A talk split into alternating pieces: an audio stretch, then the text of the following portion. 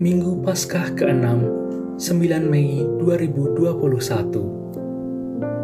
Pembacaan dari Kisah Para Rasul bab 10 ayat 25 sampai dengan 26, dilanjutkan ayat 34 dan 35, dilanjutkan ayat 44 sampai dengan 48. Sekali peristiwa, ketika sampai di kota Kaisarea, Petrus masuk ke rumah Cornelius Cornelius menyambutnya, dan sambil tersungkur di dekat kaki Petrus, ia menyembahnya.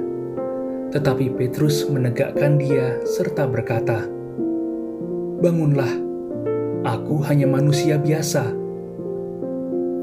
Lalu mulailah Petrus berbicara, katanya, "Sesungguhnya aku telah mengerti bahwa Allah tidak membeda-bedakan orang." Setiap orang dari bangsa mana pun yang takut akan Allah dan yang mengamalkan kebenaran berkenan kepadanya. Ketika Petrus sedang berbicara, turunlah Roh Kudus ke atas semua orang yang mendengarkan pemberitaan itu. Dan semua orang beriman dari golongan bersunat yang waktu itu menyertai Petrus tercengang-cengang karena melihat bahwa karunia Roh Kudus dicurahkan ke atas bangsa-bangsa lain juga, sebab mereka mendengar orang-orang itu berkata-kata dalam bahasa Roh dan memuliakan Allah.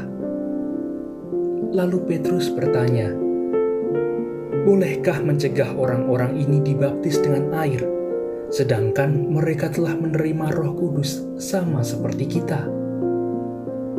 Maka Petrus menyuruh mereka dibaptis dalam nama Yesus Kristus. Kemudian orang-orang itu meminta kepada Petrus supaya ia tinggal beberapa hari lagi bersama-sama mereka. Demikianlah sabda Tuhan.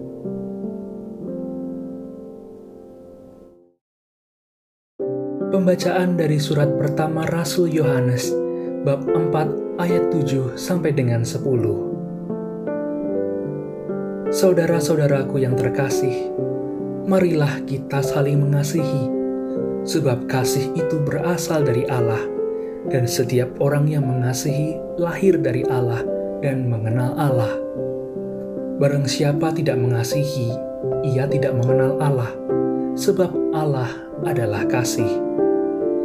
Dalam hal inilah kasih Allah dinyatakan di tengah-tengah kita yaitu bahwa Allah telah mengutus anaknya yang tunggal ke dunia, supaya kita hidup olehnya.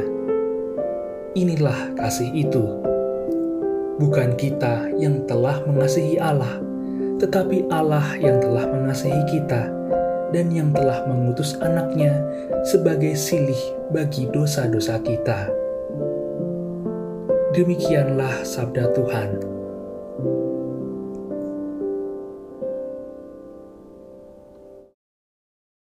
Inilah Injil Yesus Kristus menurut Yohanes bab 15 ayat 9 sampai dengan 17. Dalam amanat perpisahannya, Yesus berkata kepada murid-muridnya, "Seperti Bapa telah mengasihi aku, demikian juga aku telah mengasihi kamu. Tinggallah di dalam kasihku itu. Jikalau kamu menuruti perintahku, kamu akan tinggal di dalam kasihku, seperti aku menuruti perintah Bapakku dan tinggal di dalam kasihnya. Semuanya itu kukatakan kepadamu, supaya sukacitaku ada di dalam kamu dan sukacitamu menjadi penuh.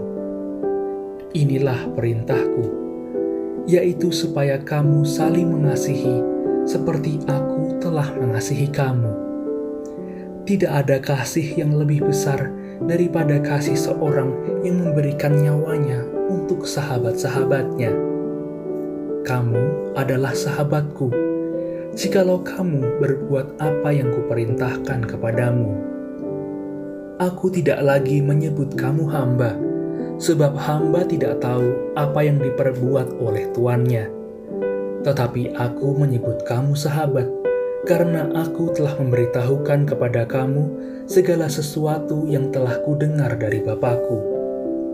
Bukan kamu yang memilih aku, tetapi akulah yang memilih kamu, dan aku telah menetapkan kamu supaya kamu pergi dan menghasilkan buah, dan buahmu itu tetap, supaya apa yang kamu minta kepada Bapa dalam namaku diberikannya kepadamu.